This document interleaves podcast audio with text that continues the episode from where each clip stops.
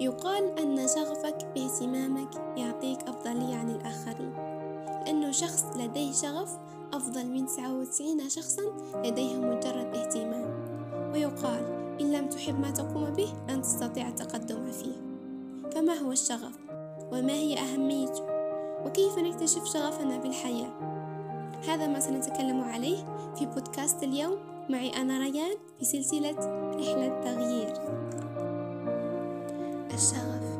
يعرف الشغف على أنه هو الحب الشديد والميل القوي تجاه نشاط معين سواء عمل تخصص ما هواية أو أي حاجة تحب تقوم بها وتحسسك بالسعادة والحماس وتكون بزاف مستمتع تشعر بطاقة كبيرة أثناء ممارستك لهذا الشغف يخليك ما تحس لا بالتعب ولا بالوقت كيف يفوت وكل ما زاد شغفك تجاه نفسك تجاه حياتك أو تجاه أي شيء تقوم به زادت كمية الطاقة الإيجابية المنبعثة منك. وهذا الشيء يأثر على جوانب كثيرة من حياتك على نحت شخصيتك على ثقتك بنفسك وعلى علاقاتك.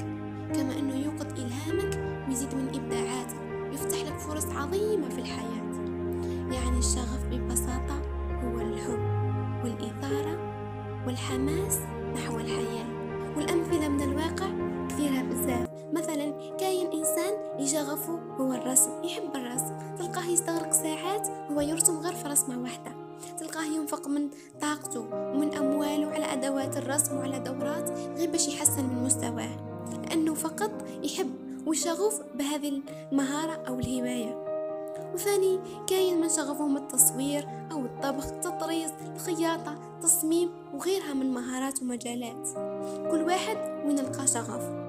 والفرق واضح بين الإنسان الشغوف بخدمته والإنسان اللي كاره ومشي حاب وش قاعد يدير. يعني يدير فيه برك لأنه بالك الظروف فرضت عليه هذاك الخدمة ولا هذاك المجال. مثلا شوفوا الأساتذة. تلقى أستاذ شغوف بالتعليم يحب التدريس يحب يوصل المعلومة بأبسط طريقة. وكل مرة يبحث عن طرق جديدة لإيصال هذه المعلومة. ودايما يقرأ كتب ويطور من روحه في مجاله ويشوف وش هو جديد وش يقدر يضيف في رصيده. على عكس هذاك الأستاذ الغير شغوف بمهنته تلقاه من عام تخرج مالك ما زادش هز كتاب ولا حوس يعرف جديد. وتلقاه يقدم الدرس اللي فهم فهم واللي ما فهمش عمره لا فهم. المهم هو يجي يقدم خدمة باش يخلص عليها وفرات.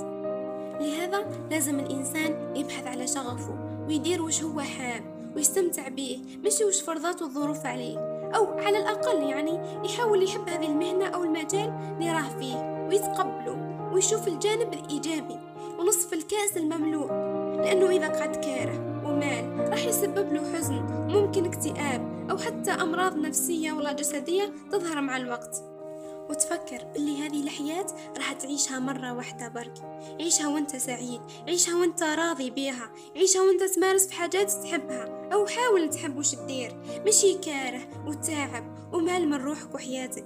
وعسى أن تكرهوا شيئا وهو خير لكم وأنا نوجد للبودكاست شفت فيديو سيدة مصرية. كانت تخدم في شركة بالشهادة اللي تخرجت بها من الجامعة يعني تخصصها الجامعي. بعد سنوات بدأت تكتشف شغفها بالتصوير.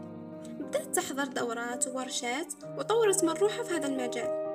وبعد 14 سنة بعد 14 سنة عمل. في الشركة قررت أنها تستقيل من عملها هذا واتبعت شغفها وأخذت منه مهنة لها وثاني تفكرت قصة شهرزاد. شهرزاد هي شيف في الطبخ جزائرية عندها برنامج اي ثينك في قناة بنة ولا شروق المهم هي قرأت في كلية الطب يعني طبيبة متخرجة بشهادتها وكامل بصح مع الوقت اكتشفت شغفها في الطبخ. وطورت من روحها فيه حتى وصلت للاحترافية. وحققت ثروة وشهرة غير بالشغف تاعها يعني جامي تقول فاتني الحال صاي أنا ما نقدرش تستسلم للظروف. مارس شغفك مارس شغفك حتى وما كانش هو تخصصك أو مهنتك. وإذا ما زالت ما لقيتوش أنا اليوم راح نعطيك طرق اللي تبعتها أنا واللي تبعها أغلب الناس باش يكتشفوا شغفهم في الحياة. اكتشف شغفك الحقيقي وهدفك ورسالتك في الحياة. أولا أقعد مع روحك. وتفكر وش هي الحاجة ولا الحاجات اللي كديرها تنسى روحك. يعني تقعد بالساعات بلا ما تحس الوقت كيف راه يفوت.